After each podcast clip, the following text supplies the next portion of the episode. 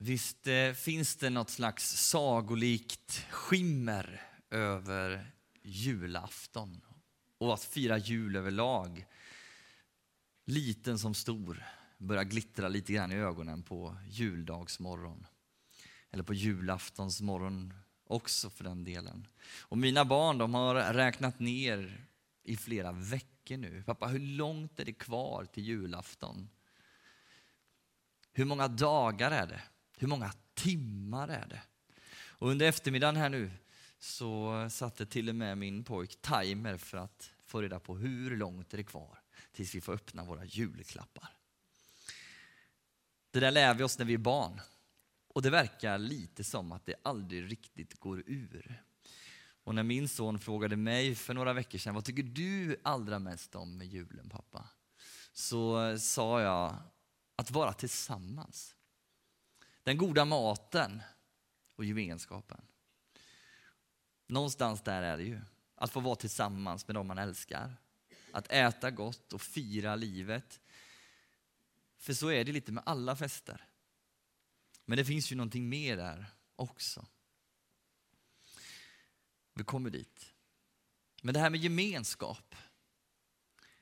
Det är ju så att trots att julen handlar delvis om det så märker vi när vi tittar ut över vår värld och inte minst ut över vårt land att det är väldigt många som saknar just gemenskap. Och det blir extra tydligt en sån här dag. Ensamhet, det är en av de absolut största bekymren i vårt land. Och jag kommer att tänka på ett exempel, kanske ett av mina absolut tydligaste exempel på att ensamhet är tufft och svårt för många. Jag bodde i Stockholm för ett tiotal år sedan. Och I den staden så kan man känna sig väldigt ensam, även om det är väldigt mycket folk. Och En gång när jag satt med min fru i tunnelbanan, i de här stora tågen med mycket folk, så, så kom det en, en, en sliten alkoholpåverkad man som ringlade sig fram i tåget. Han tittade på alla människor som han gick förbi och sökte liksom deras blick. Så här. Men det var väl för jobbigt för människorna som satt där så de låtsades titta ner i sin telefon eller kanske till och med ut genom fönstret fast att det inte finns något att titta på när man åker under marken. Och till slut så får han syn på mig. Jag sitter en bra bit bort.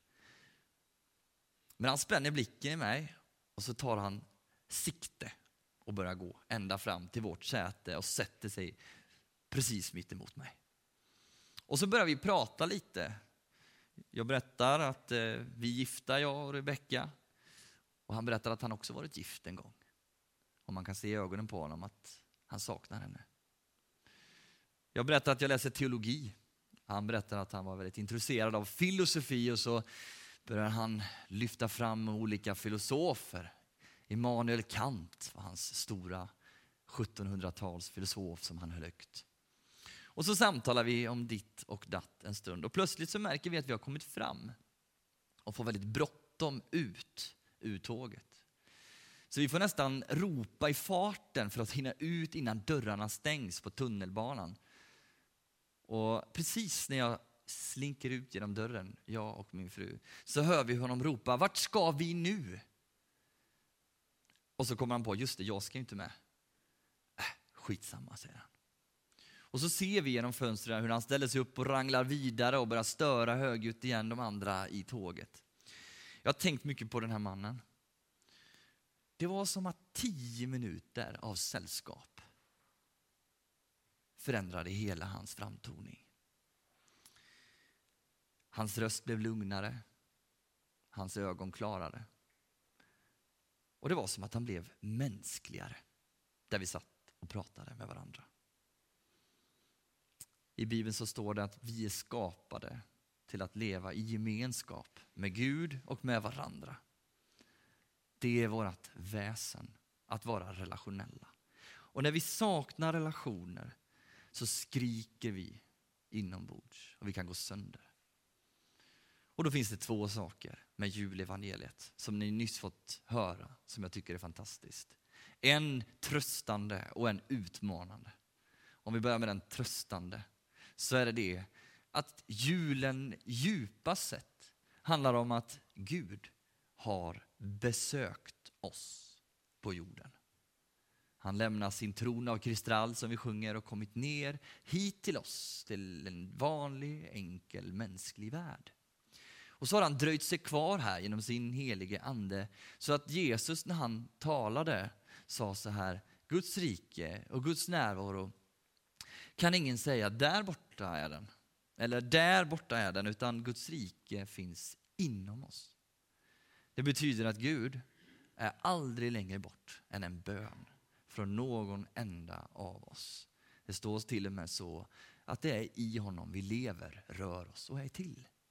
Det är konsekvensen av att en frälsare blivit född.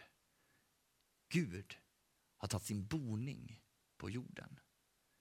Så var du än är någonstans, hur ensam du än känner dig, så är Gud närvarande i ditt liv.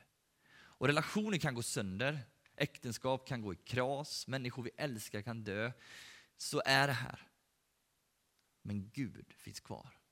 Från nu in i evigheten. Det är tröstande att veta. Det ger styrka, det ger kraft och mod när det är jobbigt och tufft. Sen den utmanande delen av den här texten. Att vi kan faktiskt få vara det ljus som Gud har varit i våra liv för andra.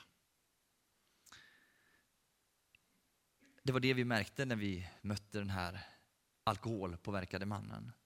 Att en liten blick, en närvaro, ett sms skulle det kunna vara, ett vykort, ett telefonsamtal, några minuter under en promenad, ett leende. Dessa små saker kan för en ensam människa betyda allt. Kan förändra en människa från grunden när vi blir med i gemenskap. Och allra helst hade jag velat ge den här mannen Guds närvaro. Vi är bra på att ge silver och guld, för det har vi mycket av i vårt land. Men det Petrus gav när han gick i tempelsalen, det var någonting annat. Han gav av sin tro och det förändrade den här lame mannen i den bibeltexten, Apostlagärningarnas början där. Kan ni läsa om det om ni vill. Så vi kan vara varandras ljus. För att gå tillbaka till det tröstande budskapet så står det ju så här i Jesaja 49. Glömmer en kvinna sitt lilla barn bryr hon sig inte om den hon själv har fött. Och även om hon skulle glömma glömmer jag aldrig dig, säger Gud.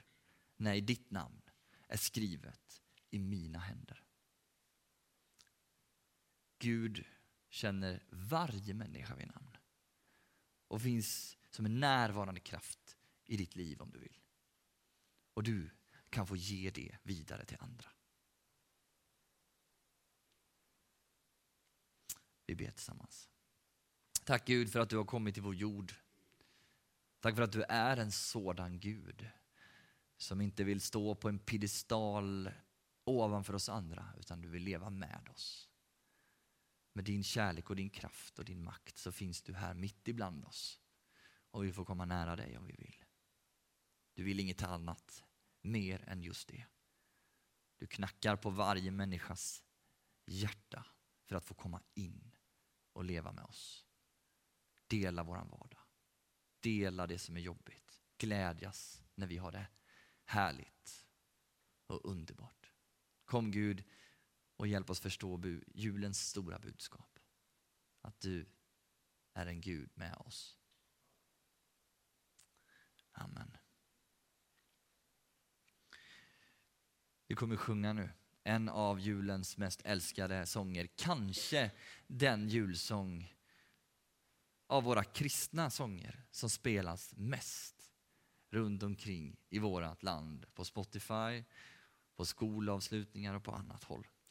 Nu tändas tusen juleljus med ett mycket fint budskap. Och vill du under den sången så har du möjlighet att gå till ljusbäraren här.